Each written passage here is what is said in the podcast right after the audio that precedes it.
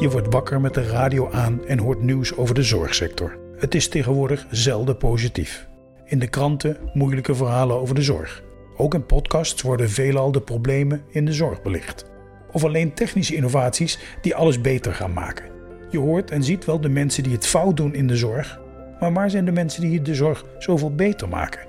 Zij die elke dag weer met passie opstaan om goed te doen. Voor hun patiënten, voor hun verzekerden en voor hun burgers. Deze mensen zijn er volop en op de juiste plekken of op de juiste weg naar het maken van een betere sector. Verhalen van gepassioneerde zorgverleners, innovatoren, beleidsmakers en patiënten. Daar gaat het over in deze podcast.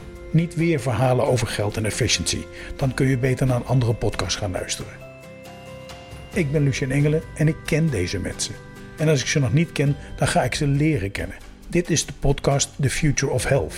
Want aan zorg geen gebrek. Aan kansen ook niet. En de toekomst ligt voor ons en die is nooit gemaakt door in de achteruitkijkspiegel te blijven kijken. Ik ga in gesprek met de spelers in de zorg en anderen over cross-sectorale kansen. Nieuwe kennis en aanpak welke een grote rol kunnen gaan spelen in de transitie van gezondheidszorg naar de voorkant. Van gezondheidszorg naar gezondheid en zorg naar gezondheid. Voor jou, voor mij, voor ons allemaal. Hoe ziet die zorg er over 20 jaar uit? En wat kunnen we nu doen om daar te komen? Of wat moeten we juist nu niet doen?